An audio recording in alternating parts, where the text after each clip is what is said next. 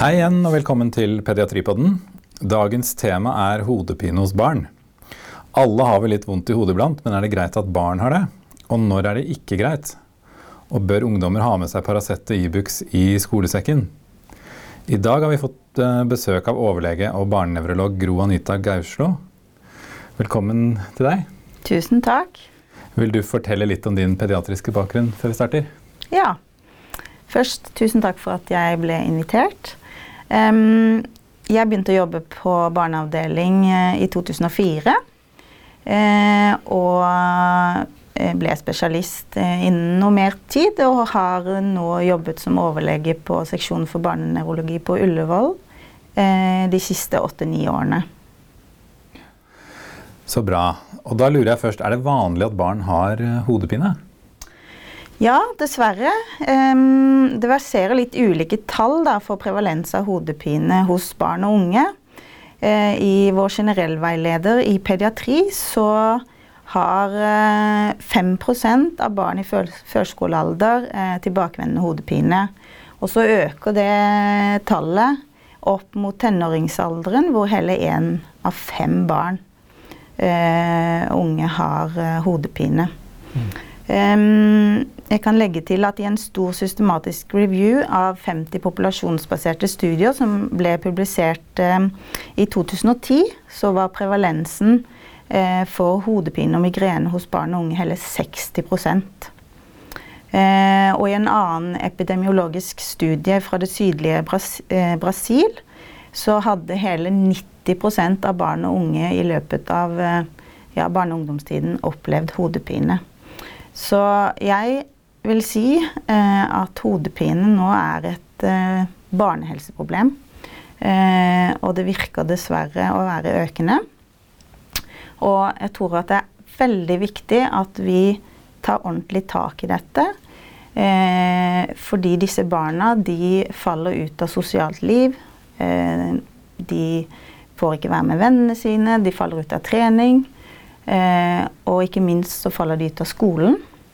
Eh, så vi har en veldig viktig jobb å gjøre som pediatre på dette feltet her. Mm. Og denne hodepinen som barn har, er den oftest primær eller sekundær til noe annet? Ja, så Det store grosset av uh, hodepine blant barn og unge er primære hodepiner, sånn som det er hos voksne. Og da er det sånn på, hos barn og unge at Eh, det stort sett eh, dreier seg om enten migrene eller tensjonshodepine, eller en kombinasjon, som faktisk også er ganske vanlig. Vi har noen enkelte med mm, klasehodepine, men det er veldig sjelden hos barn under ti år. Og Bør vi tenke forskjellig når vi vurderer hodepiner hos eh, barn kontra hos voksne? Ja, det bør vi i noen grad gjøre. Eh, så hvis vi først snakker om de primære hodepinene, da, så er noe likt, og noe er forskjellig. Eh, migrene det er alltid av en intensitet som er moderat til alvorlig. På en skala fra null til tre så er det to til tre. Eh, og det som kanskje er mest forskjellig, eh, og som man må huske på, er at hos de yngste barna så kan varigheten være mye kortere. ikke sant? Vi er kjent med hos voksne så er det 4-72 timer varighet. Men på de minste barna så kan det være helt ned i 20-30 minutters varighet bare. Og da, da, må man tenke på det. Mm. Eh, og også er det sånn at eh, alle kjenner til at hodepinen er pulserende, dunkende. Eh, og de fleste voksne kan si at den er halvsidig, ikke sant. Mens på barn eh, så er det ganske mange som ikke opplever denne unilaterale eh, dunkingen, men mer at eh, hodepinen da er bifrontal eller bitemporal. Mm. Det er også annerledes. Eh, det er noe færre barn enn voksne som har aura, men Ca. én av ti barn har også aura-symptomer da. Um, og videre så er det sånn at kvalme, oppkast og foto eller, uh, og eller fonofobi er det samme som hos voksne. Når det gjelder tensjonshodepinen, så er den mild til moderat, altså en én til år. Uh, den er diffust lokalisert, uh, og den kan også være kortere enn hos voksne. da. Men det kan også vare opp i flere dager. Mm. Men også bare noen ganger en halv time. Eh, og det som er viktig å huske på, er at eh, de kan ha foto eller fonofobi, men ikke begge deler. Eh, og aldri aura. Um, Clusterhodepinen den eh, er også mye lik som eh, hos de voksne. Den er veldig, veldig sjelden hos barn, altså. Mm. Og når vi da får inn et barn som har vondt i hodet, hva skal vi være ekstra obs på? Har vi røde flagg? Det har vi så til de grader, og det tenker jeg er viktig å ta med seg. Um, hodepine på natten eller eh, ved oppvåkning tidlig morgen, gjerne med kvalme eller oppkast, er absolutt en red flag. Eh, da må man tenke først og fremst på tumor.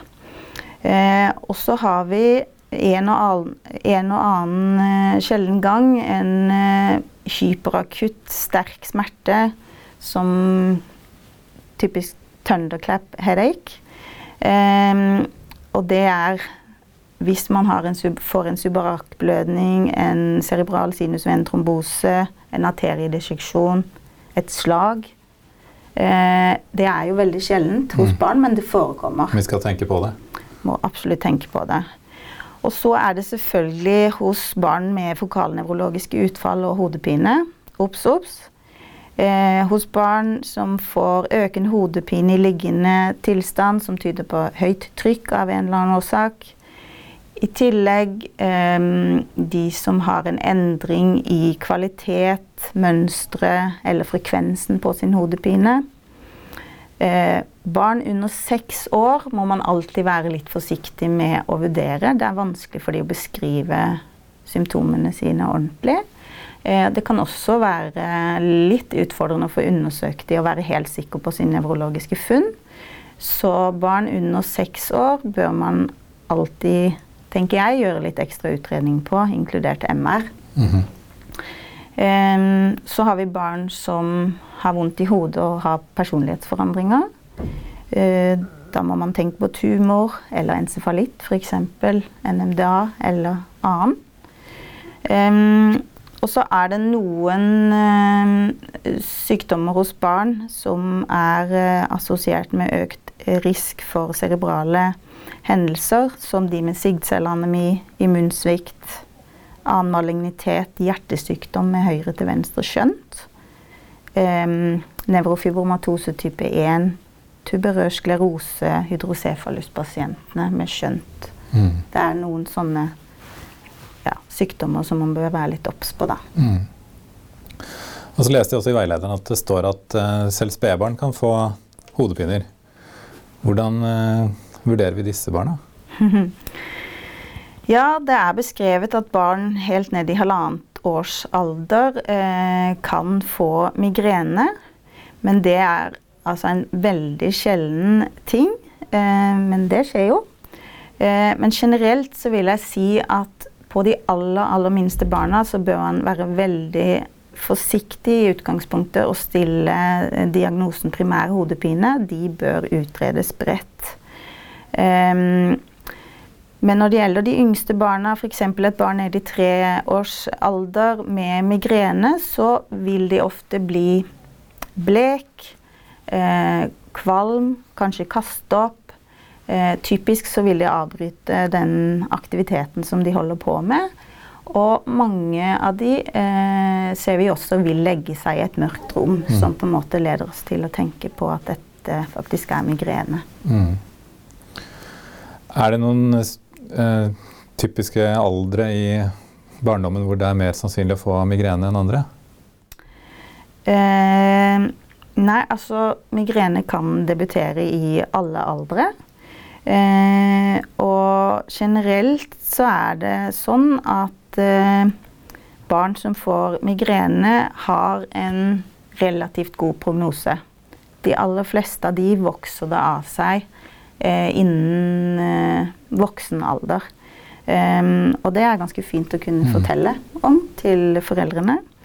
Um, og frekvensen når det gjelder hodepine og migrene hos barn og unge, varierer også ekstremt, så det er også ganske vanskelig å si noe om i utgangspunktet. Det er på en måte bare tiden som Mm. vil vise, da. Så når man da får inn et barn med hodepine på legekontoret, hvordan bør man starte utredning?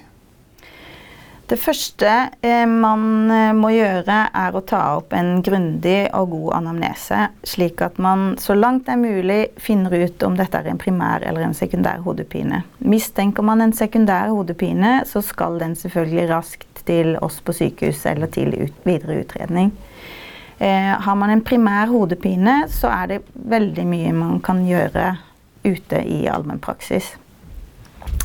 Um, og så er det viktig å gjøre en orienterende somatisk og nevrologisk undersøkelse. Måle blodtrykk og puls. Det hører med. I tillegg til det så tenker jeg at det er noen blodprøver som hører med i en eh, start av en hodepineutredning. Og det er en generell hematologisk status. Eh, vitamin D og B12. Eh, elektrolytter, tyroidefunksjon er viktig lever-nyrestatus og eh, cøliakiscreening, faktisk. Det er The big imitator. Og jeg har uh, absolutt funnet en del med cøliaki i, i den uh, haugen av kroniske mm. hodepinepasienter. I tillegg til det så vil jeg bare nevne um, at jeg også har plukket opp et par IBD-pasienter med kronisk hodepine. De hadde også symptomer fra tarm, men tenk på det, og ta i så fall kaldprotektin i feses. Mm. Eh, og i tillegg til det så eh, syns jeg at eh, alle fortjener en visustest. Eh, alle barn eh, og unge med kronisk hodepine bør, bør få gjort en eh, synsundersøkelse. Mm. Og der man da har gjort en god klinisk undersøkelse og tatt disse prøvene og ikke funnet noen ting, kan man slå seg til ro med det, eller man, hvor langt skal man gå for å utelukke en sekundær årsak med eventuelt MR? Ja, når det gjelder MR, så er min påstand at uh, vi nok tar altfor mye MR av uh, barn med hodepine. Um, vi har en regel hos oss at vi tar MR av alle barn under seks år. Mm. Eh, og det er eh, i tråd med internasjonale retningslinjer på det. Eh, og det er som jeg sa i stad, det er fordi det er vanskelig å være helt sikker på anamnesen og, og historien, og også fordi at nevrologisk undersøkelse noen gang kan være vanskelig. sånn at det er, det er tøft å tørre å ta den sjansen. Mm. og i tillegg så kan man ha pårørende som gjør det ganske vanskelig eh, å tørre å la være. Og for, noen ganger for å kunne komme videre i behandlingen, så må man gjøre det. Mm. Um, men man skal tenke seg litt om, og har man ikke fokalnevrologiske utfall og uh, ikke har noen av disse red flagsene, så bør man så langt det er mulig la det være. Mm. Um, jeg kan bare nevne en stor systematisk review hvor det ble tatt MR av 605 eh, av 1275 barn, altså halvparten, men veldig mange barn. Eh, og hvor det viste seg at 16% altså 97 eh, barn, hadde funn. 79 av de, 79 av 97 trengte ingen videre oppfølging.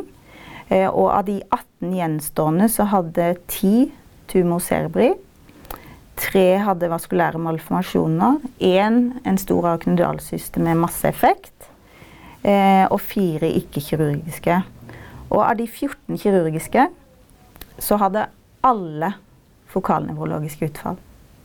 Eh, og da dreier det seg om enten papilledem eller unormale øyebevegelser eller annen motorisk dysfunksjon. Mm. Sånn at jeg tror vi kan stå ganske godt i å ikke ta MR om vi ikke finner noe ved undersøkelse.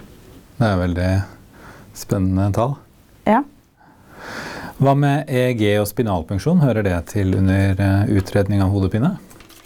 Nei, EEG er ikke i utgangspunktet indisert. Eh, men selvfølgelig, det er viktig med god anamnese, og der det er andre suspekte eh, fenomener ledsagende til den hodepinen, som, som, gjør at man kan tenke at dette er fokale epileptiske anfall, så hører det selvfølgelig med. Men sånn ikke i utgangspunktet. Mm. Eh, og når det gjelder spinalpunksjon, så er det sjelden indisert, men selvfølgelig er det indisert noen ganger. Og har du et barn med, med en hyperakutt eh, innsettende hodepine eller feber selvfølgelig, som gjør at du tenker på en encefalitt eller meningitt, selvfølgelig hører du med. Um, eller at du har et barn med hodepine på natt eller hver morgen, gjerne kvalm, som tyder på høyt trykk osv. Um, typisk også idiopatisk intrakraniell hypotensjon, ikke sant? Så, så bør man spinalpunktere. Men uh, generelt uh, og oftest så er det jo ikke behov for det. Mm. Og så lurer jeg litt på dette med hodepinedagbok. Mm -hmm. eh, hvordan kan vi instruere pasienten i å føre en, være en god hodepinedagbok? En god hodepinedagbok for meg er at pasientene har uh, ført daglig oversikt i en tremånedersperiode. Eh, og det skal da inneholde intensiteten på hodepinen, helst på en skala fra 0 til 3. Det er en del skalaer uh, fra 0 til 10, ikke sant? men 0 mm. til 3 er, er veldig fint. Uh, varigheten på anfallet, tid på døgnet når det starter, Eh, om man tar medikamenter, i så fall hvilke, og hvilken effekt det hadde. Og om det er assosiert kvalme og oppkast. Og gjerne da for jenter også når de eh, kommer i en viss alder, om det har relasjon til menstruasjon. Mm. Um, man kan lese utrolig mye ut av en hodepinedagbok. Jeg bruker det veldig aktivt. Uh, F.eks. er det et barn eller en ungdom som har hodepine hver mandag eller tirsdag. Da. Mm. Kanskje man skal se på helgen og søvnen i helgen, eller spilling halve natten. Um, starter det alltid etter skolen, uh, som tyder på uh, ikke sant, at uh, kanskje søvnen er for dårlig. Kommer litt tilbake til disse mm. tingene etterpå. du kan skille om det er en migrene og tensjonshodepine ut fra intensitet og assosiasjon til kvalme oppkast. Eh, og dette med relasjon til menstruasjon. Eh, vi har jo sånne papirvarianter på sånne små papir... Som du kan sende med pasienten hjem? Som man kan sende med pasienten hjem. Eller så er det jo noe som heter Hodepinedagboka på iPhonene. På, oh, ja. Du kan laste ned på AppStore. Eh, som er laget av eh, St. Olavs, kompetansesenteret for hodepine på St. Olavs. Eh, og som er veldig oversiktlig og fin, hvor du får lett oversikt over antall dager med hodepine per måned, siste året. Eh, og som er brukt. Kjempeflott. Mm. Så den har jeg begynt å anbefale mer og mer å laste ned. Er det et verktøy som er nyttig å bruke for å, selge, eller for å forklare foreldrene også, eller pasienten selv hvorfor de har vondt i hodet? Det, hjelper det? Veldig nyttig verktøy akkurat for det du sier der. Mm. Eh, de ser ofte sammenhengene selv. Um, og noen blir overraska over hvor ofte de har det. Mm. Eh, og, og, vi kan se på den sammen og studere den sammen. Og liksom la de tenke litt selv, da, om de kan se noen sammenhenger med f.eks. søvn eller mat eller spilling eller sånne mm. ting. Og så vil jeg over på dette med nevrologisk undersøkelse av barn. Det kan jo, jeg syns det kan være ganske vanskelig i spesielle aldre. Små barn er vanskelig å få til å samarbeide noen ganger. Hvordan eh, for de fastlegene som skal starte utredningen og gjøre en god nevrologisk undersøkelse, har du noen tips? That's a million dollar question. Ja. Um, jeg tenker at uh, det er ikke noe fasitsvar på det. Um, jeg vil si at det er veldig viktig å huske på at på de minste barna så er det veldig mye god nevrologisk undersøkelse i observasjon. Helt fra du henter de på venterommet til du ser de går rundt inne på, sant, på undersøkelsesrommet ditt når de leker. Um, og selvfølgelig å være en god barnelege som liker å undersøke barn, det hjelper alltid. um, men man må også ta på alvor, tenker jeg, da, det foreldrene eventuelt sier om ting de har sett osv. Så, videre. Så jeg vet ikke om jeg kan gi deg noen løsning på akkurat det der. Um, ting blir lettere med erfaring, men, uh, men aldri glem uh, det der med observasjon, hvor mye du kan få ut av å bare observere et barn i naturlig utfoldelse. Mm. Jeg syns det var et veldig godt tips. det. Og så lurer jeg på det med oftalmoskopi. Det kan jo være vanskelig også hos voksne. Men barn som ser i Kan vi stole på funnene våre der? Ja, oftalmoskopi er jo Det kan absolutt være veldig vanskelig. Og jo yngre barna er, jo verre er det jo. Fordi det krever jo et visst grad av samarbeid. Ikke bare lite samarbeid, men veldig mye, ikke sant. Så man, man, bør, som ved alt annet når man skal gjøre ting på barn, så må man forberede de godt. Eh, man må fortelle ikke sant, om de, de, 'dette skal jeg bruke', og 'dette skal jeg lyse med inn i øyet ditt'. Jeg skal skru av lyset så det blir mørkt, og det viktigste du kan gjøre, gjøre er å sitte så stille som du kan, osv. Eh, ikke sant? Det er viktig med god forberedelse. Mm, ta seg tid. Ta seg tid. Um, og la de gjerne holde litt på oftalmoskopet først og sånt, og lyse litt på mamma eller pappa. ikke sant? Um, og så må man bare gjøre så godt man kan. Det er ikke så lett. Noen ganger får man veldig lett innsyn, andre ganger ikke. Og da tenker jeg at hvis man virkelig tenker at det er viktig for meg å vite om det er statspapiller der, så, og ikke får det til, så må man få hjelp av øyelegene. Mm.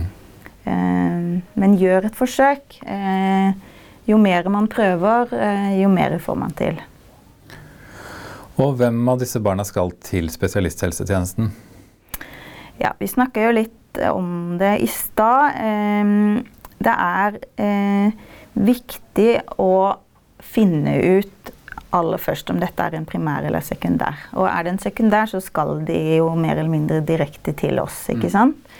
Um, er det en primær, så er det viktig at man eh, i primærhelsetjenesten forsøker å finne ut om det er en migrenehodepine, en tensjonshodepine eller en kombinasjon, som er ganske vanlig.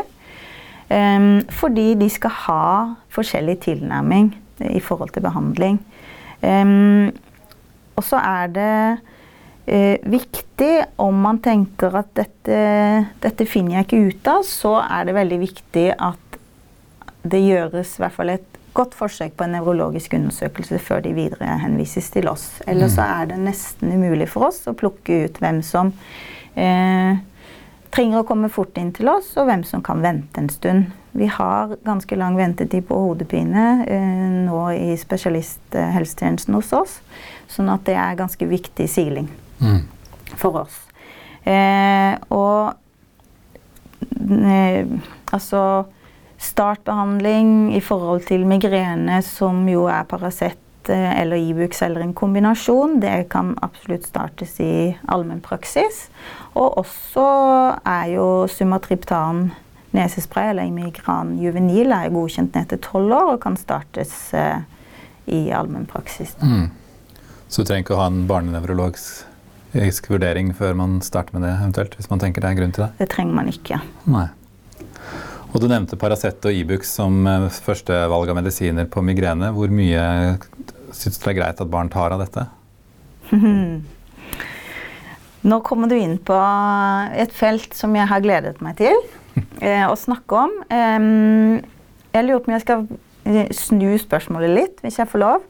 Vær så god. Eh, og um, jeg har jo som sagt eh, jobbet eh, nå som barnelege i en del år. Eh, og har jobbet mye med hodepine. Og for meg har Jeg har funnet ut at dette med å gi medisiner Jeg har prøvd alle medisinene som står i veilederen vår, både ved migrene og til dels tensjonshodepine, og har opplevd at noen har effekt, men ofte bare kortvarig effekt. noen har ikke effekt i det hele tatt av f.eks. For forebyggende medisiner. Mm.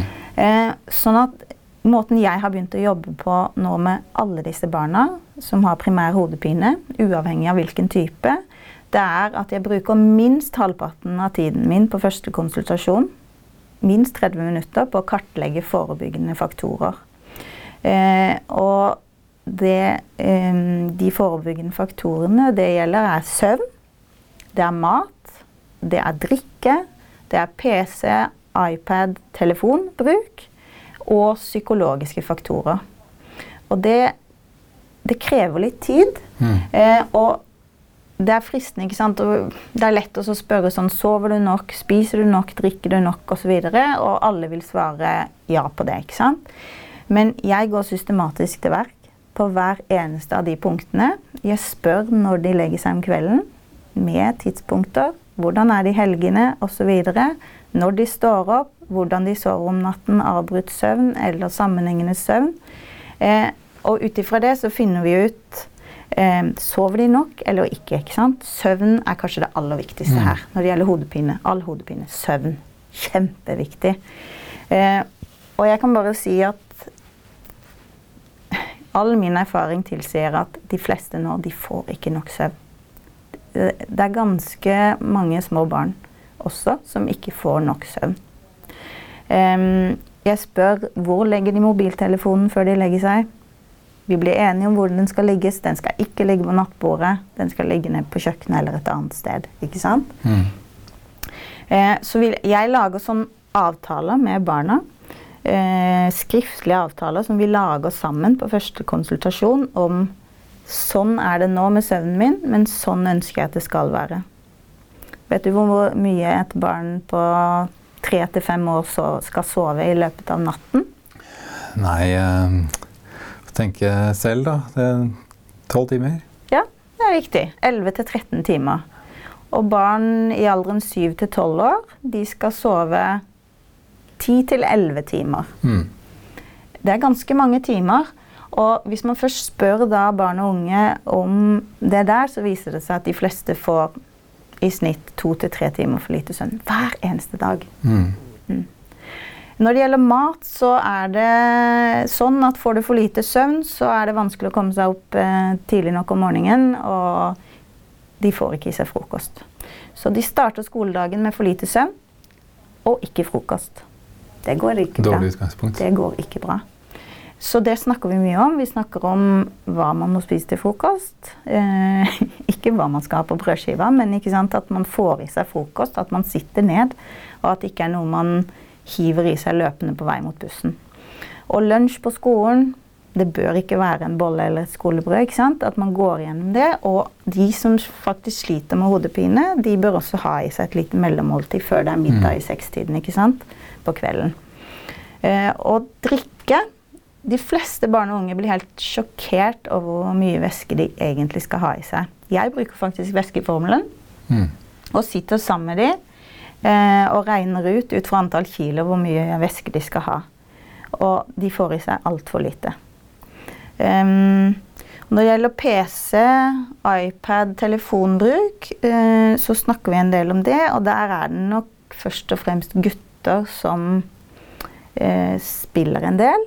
Fra de kommer hjem fra skolen, før foreldrene kommer hjem fra jobb osv. Um, og jeg, jeg høres jo sikkert noen ganger litt sånn streng ut på dette her, men de kommer jo faktisk til meg med et problem. Mm. De har vondt i hodet, og da jeg ikke på noen som helst måte syns det er riktig å behandle eh, tensjonshodepine pga. disse faktorene som ikke er eh, eh, Hva skal jeg si tatt hånd om, da. Mm. Eh, med Mye man kan starte med først før medisiner. Virkelig. Mm. Eh, sånn at jeg bruker å lage den regelen at har man et kronisk hodepineproblem, så er man 30 minutter på et medium, og så er man én time av, og helst ut i frisk luft i fysisk aktivitet. Mm. Også en halvtime på og én time av. Ehm, ja, det er en regel som jeg Altså, de må ha noen regler å forholde seg til. Du kan ikke bare si de må begrense det, for da skjer det ikke noe. Mm. Og så er det siste punktet, og det er med psykologiske faktorer. Og det er faktisk eh, veldig viktig å ta tak i. Det er en stor ting å ta tak i, og du må faktisk vite at du har tid til eh, å følge opp det spørsmålet hvis du først eh, ja, spør om det. Mm. Men det er kjempeviktig å ta tak i det. for Hvordan disse barna har det. I vennegjengen er det mobbing. Det er ganske mye, mye av det. Mm. Eh, hvordan har de det hjemme? eh, ja, på skolen og overalt. Så det, der må man være litt obs. Man kan få en del eh, ja, eh, ganske tøffe mm, svar som man må kunne håndtere, og som noen ganger trenger akutthjelp, faktisk, i BUP-systemet. Så vi har ganske mange vi, vi trenger å samarbeide med Mm. på dette, da. Um, så ja, hovedpoenget fra min side er at, at dette her er Det er veldig viktig å jobbe med forebyggende behandling og disse tingene før man griper til medisinene. Når det er sagt, så skal absolutt alle barn som har migrene, de skal ha god anfallsmedikasjon. Det er kjempeviktig. Mm. For det er veldig smertefullt. Det er ikke farlig. Det er også viktig å fortelle barn og unge at dette ikke er farlig, for det tror man, for det er altså så vondt. Eh, så, men de må ha god anfallsmedikasjon, og da er det jo Paracet og eller Ibux eller Naproxen, den typen ting, Mm. som er førstevalg. Um, og så er det Immigran juvenil, som jeg nevnte i stad, som er godkjent ned til 12. Det, eh, inne på sykehuset så gir vi det til barn fra 6-7 års alder. Eh, når det gjelder tryptanene, eh, så eh, kan man også gi det eh, lenger ned i alder. Det er godkjent fra 18, ikke sant? men vi bruker det fra tenåringsalderen på større barn når vi må. Og det er viktig at det er viktig at man på en måte Hvis ikke et triptan virker, så må man prøve et annet. Det er veldig Mm. kjent at man er nødt til å forsøke andre, for det er ikke sånn at da er det ingenting som virker. Dette. Her må man bytte og forsøke. Mm. Um, bare til støtte for det jeg har sagt nå, da. Ja. uh, så er det nå i august-september så kom uh, uh, nye retningslinjer for eh, behandling av eh, Altså forebyggende behandling av eh, migrene hos barn, og akuttbehandling.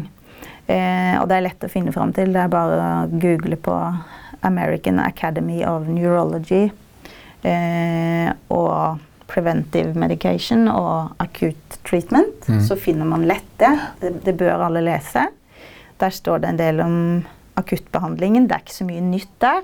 Men når det gjelder eh, forebyggende behandling, også for migrene, eh, så er dette her med eh, livsstilsforandringer, som vi har snakket mye om nå, og atferds... Eh, ja, atferdsfaktorer osv. Det er kjempeviktig å jobbe med.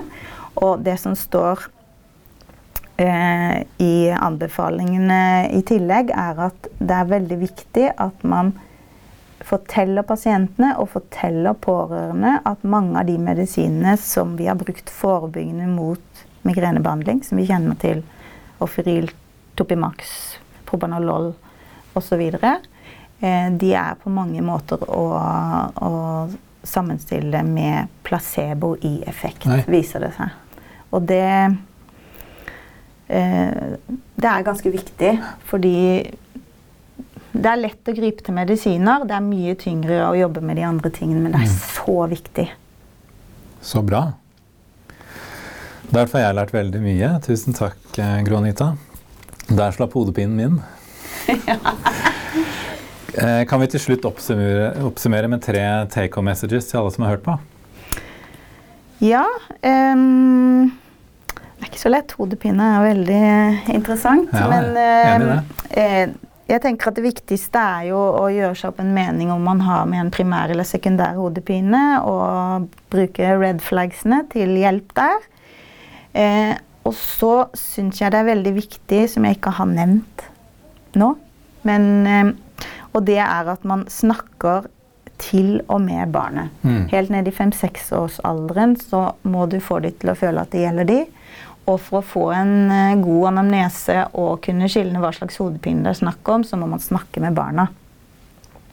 Um, I tillegg uh, til det så vil jeg si at uh, man skal ha god akuttbehandling tilgjengelig ved migreneanfall. Og selvfølgelig uh, jobb med forebyggende faktorer. Og beskjed to du ga der, tror jeg kan gjelde for mer enn bare hodepine. Å snakke til barna. Takk for at du ville komme til oss, Gro Anita Gauslå. Bare hyggelig. Og takk til alle som har hørt på. Send oss gjerne spørsmål på Facebook eller til pediatripodden at os-hf.no. Mitt navn er Åsbjørn Vestvik, og vi høres om en uke.